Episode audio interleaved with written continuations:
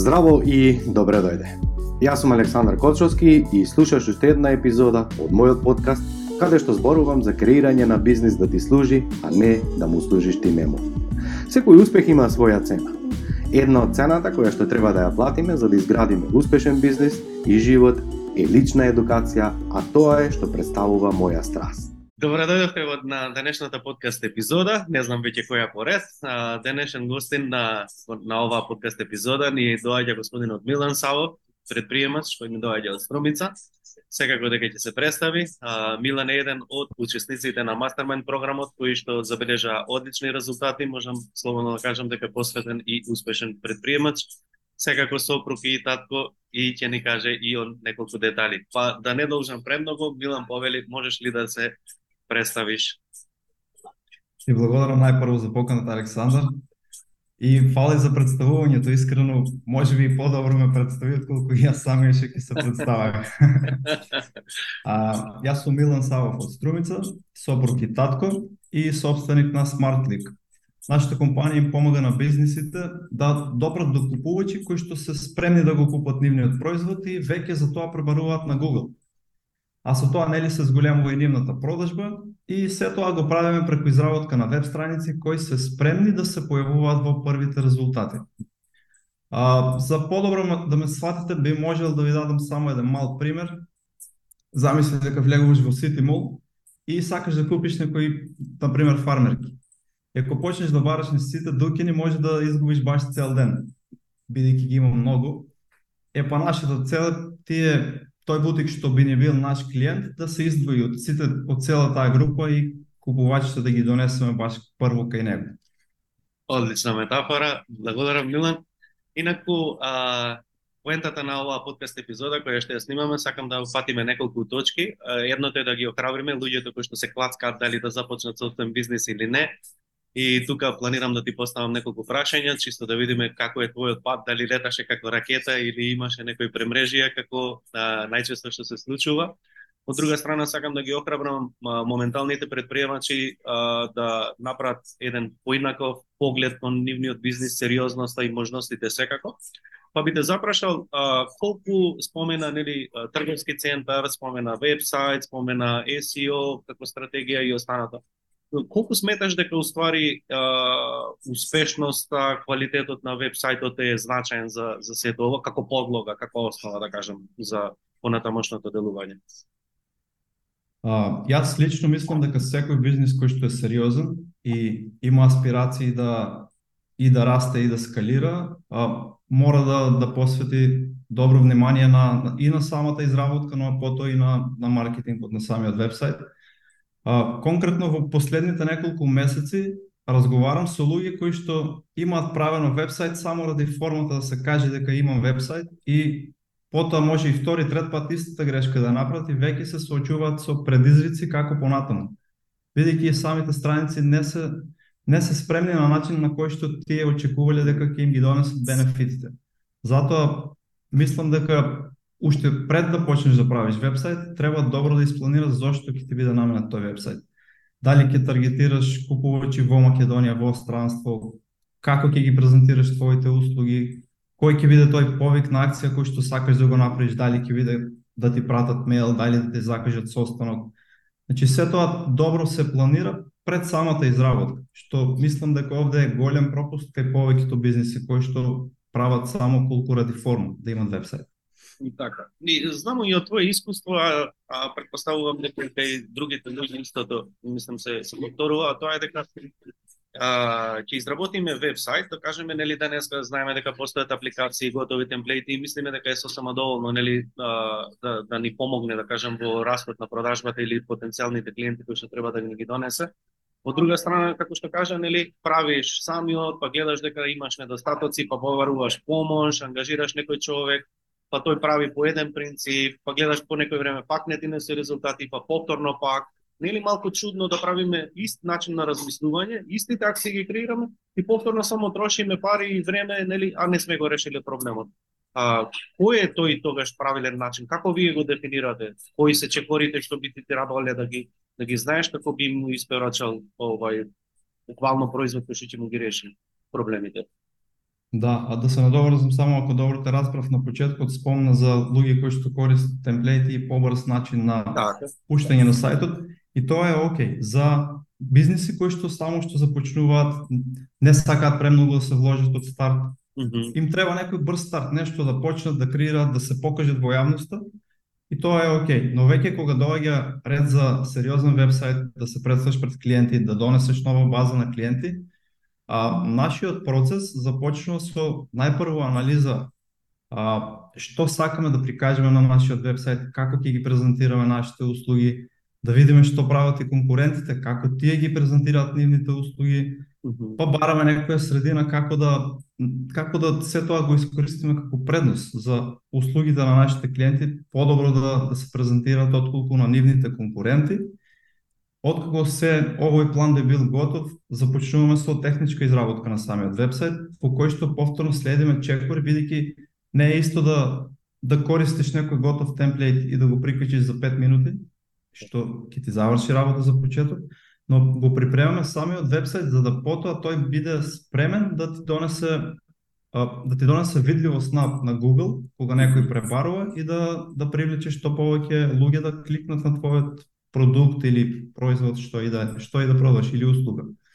Да, И колку е тука важно, на пример, кога вам ви е јасно, колку му е јасно дефинирано на вашиот клиент, кои се негови купувачи, кои се негови а, потенцијални клиенти, да кажам, колку е важно тој идеален клиент и колку а, вам ви помага во вашето работење, но и колку е важно истото за, за вашите клиенти.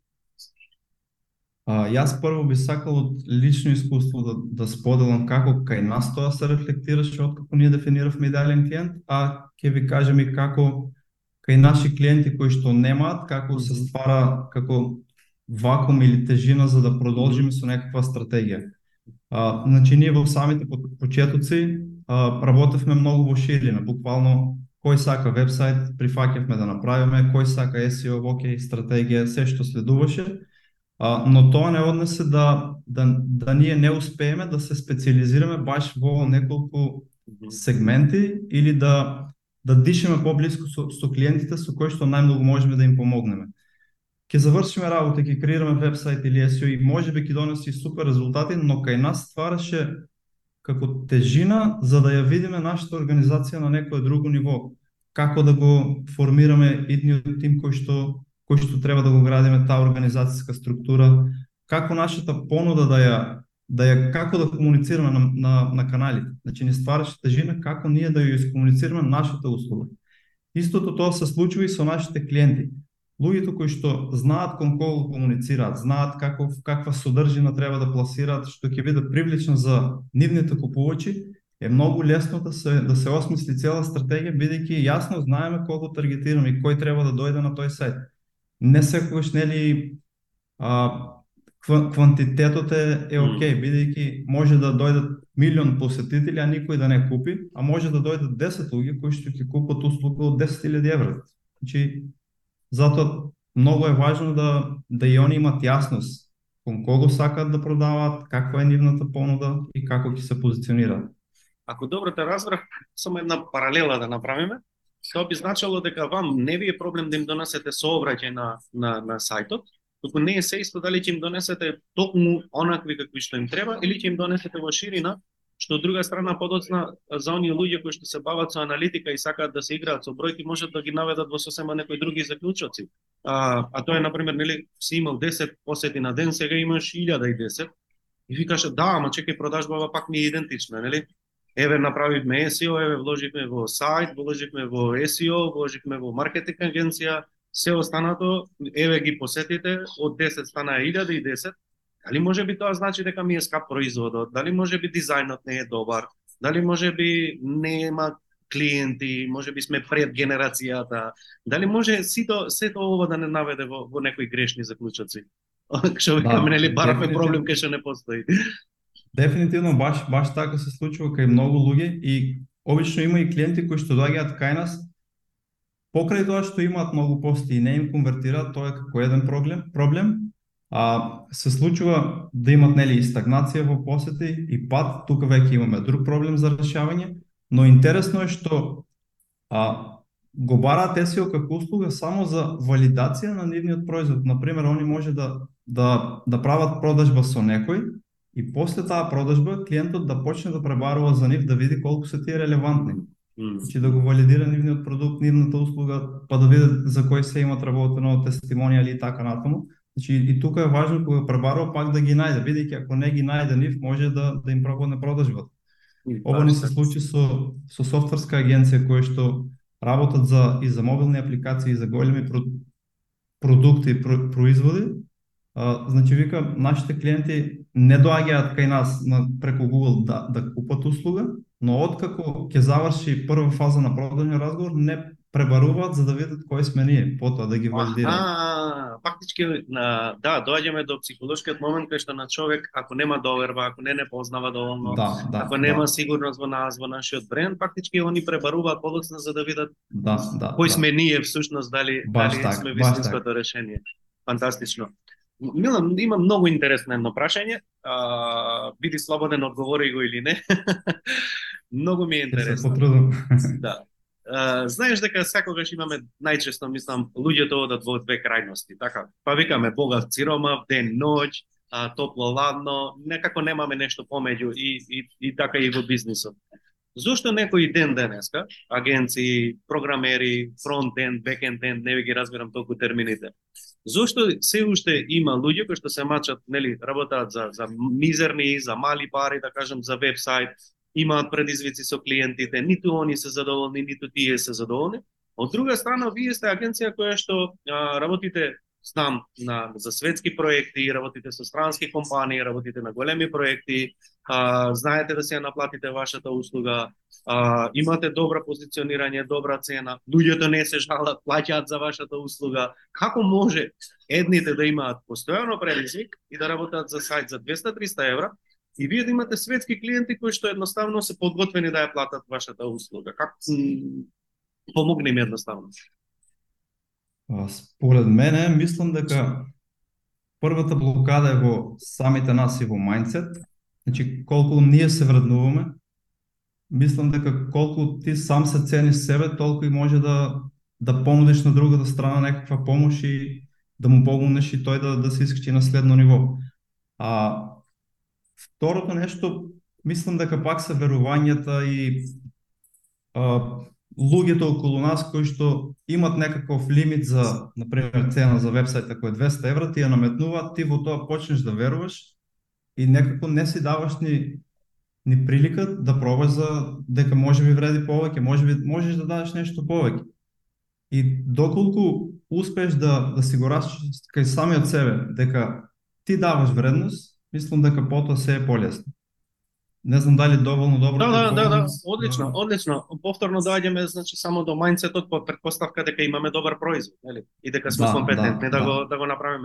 Че не зборуваме за наивност, не знам ништо, или или еве сега јас ќе правам вебсајтови и продавам не знам на на светски компании. Јас не знам ни да разговарам на речник нивни, нити знам кои им се нивните потреби, автоматски не сум невидлив нели за нив. Да, клучни, клучни работи мислам дека се верба во самиот себе да имаш, дека испорачуваш нешто добро кое што им помага на бизнисите, верба во тимот дека ќе направи квалитетна работа и верба во самиот продукт. И сега имам едно интересно прашање. Да предпоставиме јас сум ваш клиент. И немам дефинирано се уште кој е мој идеален клиент. Ова го зборувам од лично искуство бидејќи а, Мгм. често пати го истакнувам истото и дека често пати луѓето кои што имаат компетенции во ширина заради нивното искуство, претходно образование, нели, и ние се чувствуваме компетентни дека можеме на секому да му помогнеме. А, буквално кога работев консалтинг, работев на повеќе од 67 различни компании директно како консултант, да не зборам за обуки, тренинзи, тимбилдинзи и чудо што нели на некој начин самото присуство во тие компании, самото поглед во нивната структура, во начинот на водење на бизнис и се останато, нели јас се чувствувам компетентен буквално кој бизнес и да ми дојде, едноставно дека можам да му помогнам. Но што сватив подоцна? Дека може би за офлайн бизнис можеш да водиш таков начин бидејќи се брзира повеќе на препораки и на останато, нели? Од друга страна, кога работиме на онлайн, ние не можеме да пишеме на вебсајтот дека работиме се и се што и дека сме за секого, автоматски сме за никого, нели? Проблем ни прави кога го градиме нашиот тим, нели? Дали ќе ги насочиме, фокусираме силите само на едно место, па цел тим има експертиза за истото или работиме сите во ширина и на крајот постојано сме во недостиг на луѓе. Колку е важно и колку би ме прифатиле вие како клиент, доколку ви дојдам, например, нели, ја прифатам цената, ги прифатам условите, и, а, а немам јасно дефинирано идеален клиент, немам идеална понуда, немам, ги немам овие основни чекори. Што, што би правеле со мене? Би ме прифатиле или имате некаков друг црк на работа? Вака, значи, ние преферираме да работиме со компании кои што веќе имаат некаков маркетинг воспоставено, имаат маркетинг стратегија, маркетинг директор и да се надополниме како дел од нивниот тим. Тоа е едно нешто. А доколку клиентот сака да работи со нас, а ги нема сите овие работи, а, најпрво би искомуницирале дали ќе се нафати да ги средиме сите овие работи Мм. за да после ние му помогнеме се тоа да го изгради. А, бидејќи SEO како услуга обично не е добра за бизнис кој што само што почнува и нема се ова дефинирано, бидејќи ќе треба да вложиме многу време и пари се додека да се постигнат некакви резултати.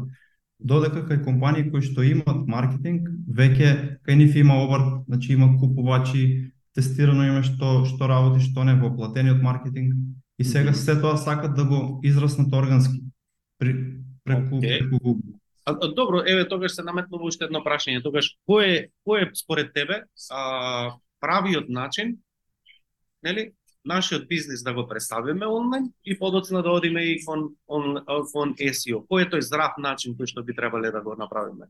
На што би требале да внимаваме? Што што, што еве твоја препорака?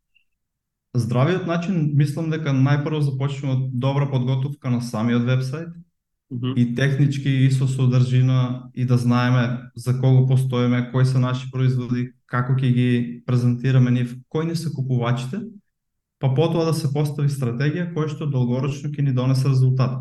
Тоа тоа зависи од самиот бизнис како каква е и неговата стратегија. Ако Мгм. тој од самиот старт сме имали случаи од самиот старт да сака SEO, бидејќи го гледа тоа долгорочно, но паралелно си ги води и другите маркетинг кампањи. Не се ослонува само на едно нешто.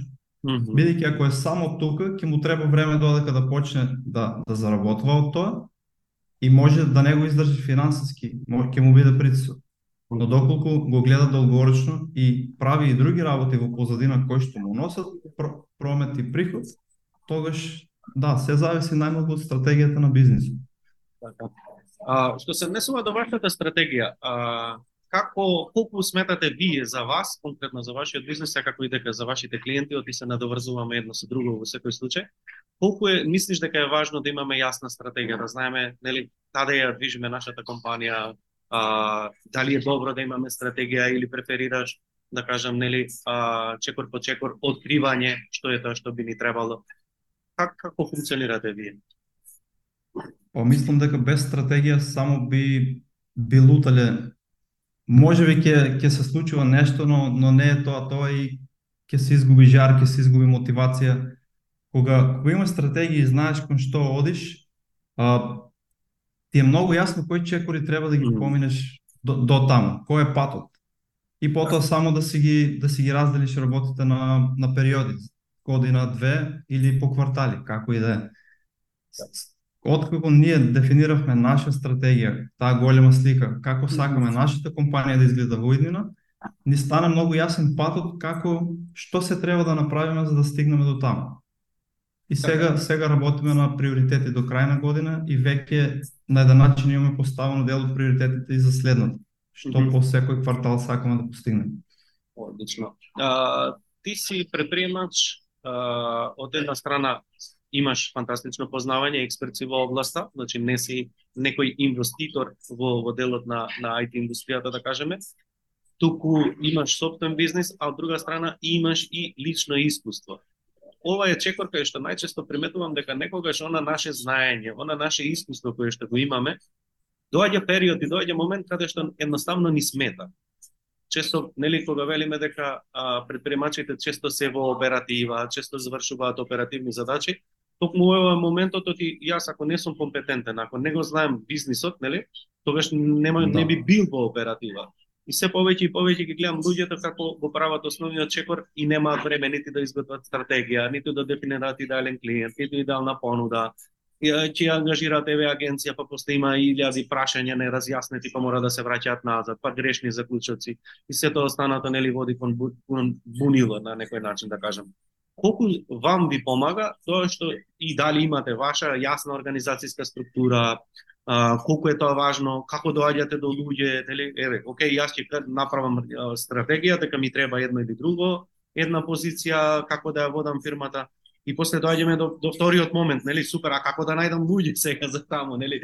Па во Македонија нема луѓе за вработување, на, младите видеа напуштаат државата, а, готов кадар не постои, оние паметните, умните веќе негде работаат и имаме постојано изговори. Как, како, како е твоето гледиште на, на, на оваа точка? А, мислам дека имаше повеќе прашања, сега ќе се обидам само да, да ги развам. Значи, на почетокот околу а, бариерата за моето лично искуство техничко и потоа како предприемач. А, искрено ми беше многу тешко и тоа може би добри 2-3 години бев не вклучен во оператива, ама секој сакав да имам контрола над тоа што излегува од кај нас, да го прегледам буквално до сите детали, да дадам фидбек на тимот како и ако супер се завршува, ама сепак нешто пак ме ме влечеше да да тоа го направам. И веќе веќе тоа ми е целосно расчистено, целосно доверувам во самиот тим. А, со тоа ми се ослободи време да посветам и да размислам за организацијската структура, која што веќе знаеме како ќе изгледа, кои се тие улоги кои што треба да ги имаме во нашиот тим и ги имаме и кои треба да ги пополнуваме во иднина. И, и тоа ни ја дава уствари јасноста како како да градиме компанијата понатаму. Одлично. А...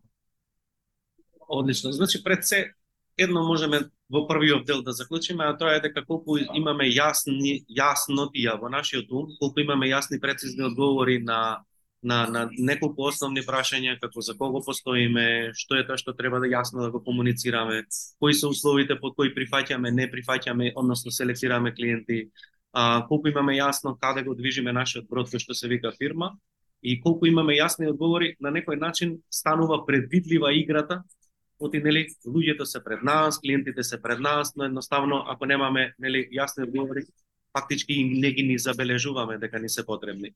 И сега ми се јавува да. едно едно друго интересно прашање. А, ова е сегашната ситуација, работите за светски брендови, вашиот тим постојано се зголемува, се повеќе и повеќе а, растете и како фирма и, и, и, и сето тоа ми е супер. Но, како дојдовте до овде? Как, како воопшто дојде до, до идејата Smart Click? Кој беше Милан пред Smart Click и, и тоа?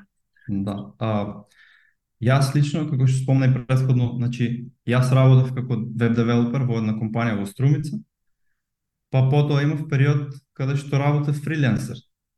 А, баш програмирав за, за други компании и тука уствари собрав јас најмногу искуство и технички, но и со контакти, бидејќи како што изработував веб страни, добивав многу препораки и се зголемуваше тој обем на работа кој што јас лично не можев да го да го издржам. Па баш тука првично и се роди идејата како да да создадам тим кој што ќе ми помогне да ги обслужиме сите тие клиенти кои што нас не бараат. А од друга страна се појави Бранко кој што ми е партнер во бизнисот Тој работи, работеше со Search Engine Optimization за исто така за странски клиенти, па увидовме дека најчесто страните кои што ги правиме не се баш добро оптимизирани за да привлечат купувачи, бидејќи јас како веб девелопер, како програмер, не мислев на сајтот дека треба да му прави многу пари на, на клиентот, само да изработам технички добар сајт и да му го предадам и тоа е тоа. Колку, добра, да, да. Од друга страна пак кај него се појавуваше момент каде што тој треба да работи стратегија за да им донесе купувачи, а не може да изведе тоа бидејќи сајтот не е подготвен. И така уствари ние почнавме заедно, најпрво нели јас и, и тој и луѓето кои што на почетокот беа со нас, сите вклучени во оператива и немавме ни време да размислиме за нешто повеќе. Сакавме само да постигнеме добри резултати и потоа започна се, се така да се склопува, па ни требаше доста време да, додека да сватиме дека ако сакаме да градиме бизнис, не треба да сме ние тие што директно ќе бидат вклучени во самата работа. Овде забележав еден многу интересен момент, па би сакал чисто да го прокоментираме. Велиш во еден момент кога јас веќе не можев да постигнам и почна да се шири тимот. Ова беше едниот момент. Вториот момент велиш, јас добро си ја работев работата, но требаше да носи и пари на клиентите и се, како да нешто недостасуваше. Што мислиш, колку, колку е овде таа тенка професионалност? Колку ние сме фокусирани на добрината на нашиот производ, во смисла на квалитет, во смисла на услуга, и колку е важно да размислуваме од другата страна, дека сепак нели нашиот производ треба да донесе некоја друга корист на, на нашиот клиент. Колку мислиш дека А... ова е замка на денешните предприемачи? Многу е, мислам дека тоа е голем клуч кој што ако предходно можеби јас сум размислувал на предприемнички начин кога сум ги работел со страните, уште поодамна би би имал можеби и поголем ефект врз тие клиенти кои што сум им креирал сајт, без разлика колку е добар или не. А, тогаш сум бил многу ограничен да размислувам само технички, да го изработам продуктот, да им го дадам и, и тука заврши уствари мојата работа, но во тој момент, тоа е сега пред 7-8 години, не сум размислувал дека ако им дадам плюс уште некоја насока или идеја, да може би тоа им помогне за за тие да си да си ги постигнат нивните цели побрзо. Така. И доколку сме во постојано во оператива, доколку постојано сме фокусирање на гасење пожари, можеме ли ова да го забележиме? Нема шанси. Нема шанси. Добро. Нема шанси. И подоцна доаѓа спојот со Бранко, каде што велиме дека Бранко е супер експерт нели во SEO и правите спој и денеска имате комплементарен, односно компетен комплетен производ, така? Да, да. Океј. А кои се вашите планови за иднина? А, планови имаме многу. Тешко, тешко прашање. Не, не е тешко, ќе ти, ќе ти нафрлам што се сакаме да постигнеме во таа идеална слика. Значи, сакаме а, сите се жалат на тоа дека нема кадар. Наша идеја е да во иднина да си имаме собствена академија каде што луѓето кои што ќе поминат низ неа ќе ги изучат нашите принципи на работа, не класично како се прави вебсайт или како SEO се постава стратегија, туку како ние тоа го правиме, за кај нас полесно се вклопат. Секако секој што би поминал ќе ќе може и да си го користи тоа во иднина, но тоа не е како некоја долгорочна визија. А, тоа е околу работењето. Сакаме да на што повеќе SaaS бизниси да им помогнеме да да ги остварат нивните цели, бидејќи веќе тука се фокусираме многу, а во некоја догледна иднина и да бидеме како акселера, акселератор за нивните идеи, да ги поддржиме и со ноу-хау и финансиски. Тие ни се такат некои две големи водилки кои што се надавам дека ќе ги исполниме. Апсолутно. И на, имаме една интересно прашање надвор од темата, а сепак има блиски точки, и пред се сме луѓе, играме различни улоги. А, знам дека си сопруг, знам дека си родител. Знам дека во поново време си родител на квадрат. Како наоѓаш време и за тим, и за програмирање, и за контрола, и за стратегии, и за разговори, и за чуда се во бизнисот и при тоа и тренинзи, и фитнес, и различни улоги. Како се тоа наоѓаш време и енергија? Последниот месец искрено ми е предизвик, бидејќи сме ептен пресни со, со новиот член. А инаку преку викендите најчесто користам време за планирање на, на неделата унапред. Само ево и планерот што е цело време со мене. а, си ја планирам цела недела унапред и најчесто секое утро си поставам некој главен приоритет кој што треба да го извршам во текот на денот и ако тоа го завршам ми е растаретено, немам никакво чувство на вина дека нешто не сум постигнал. Обично практикувам состаноците да ги организирам во, во два дена, најчесто вторник и четврток. Веќе кога има некој ептен хитен случај, правам исклучуци, но овие два дена ми се за состаноци. А, ноќта пред да легнам си правам како рефлексија на денот. Што се случило, што беше добро, што лошо, а, како можеме тие работи да ги подобриме и си поставувам прашања за да го најдам решението на нешто што не се случило за да за да биде подобро. Тие ми се неколку клучни работи кои што ги правам во текот на еден ден за да за да одржам баланс измеѓу се, инаку би било многу тешко.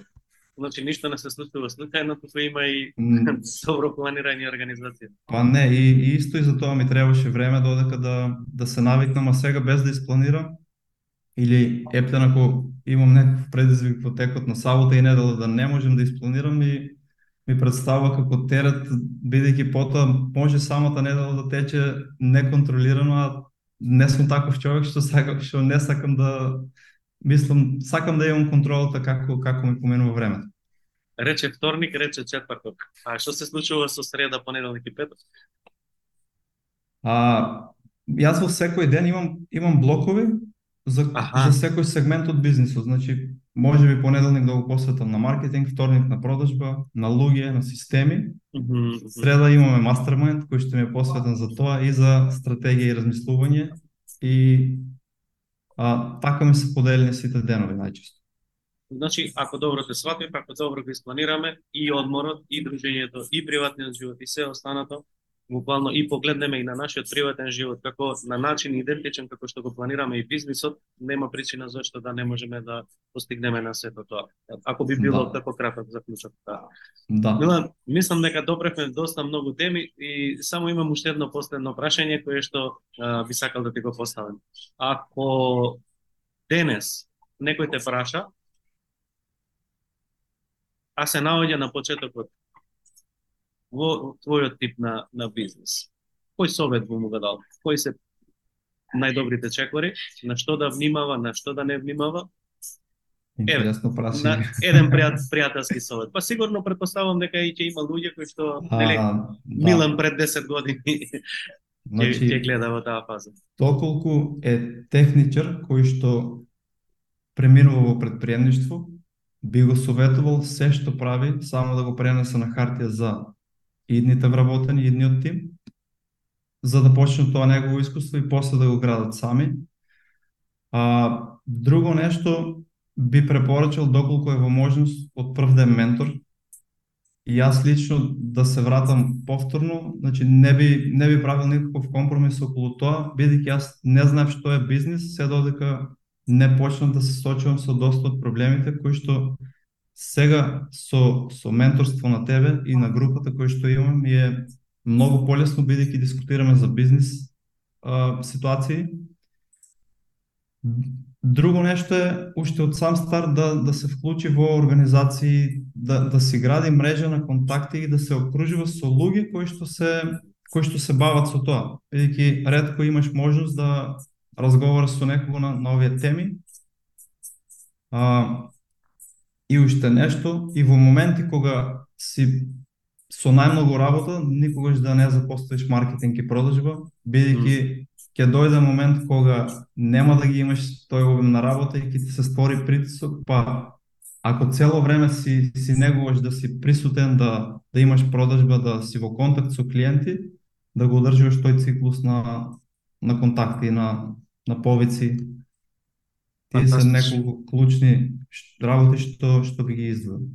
Фантастично, фантастичен препорака. А кажи ми кога спомена работа со ментор, група, среда, мастермайнд, што што тебе а, да кажем кога би издвоил Знаеме дека имаме а, кратки видео тренинзи нели на платформата, имаме средбите во среда, имаме месечни а, тренинзи во живо и, и група и останато. Што би кога би издвоил, да кажам, нели, што највеќе од, од, од кој сегмент добиваш најголема вредност?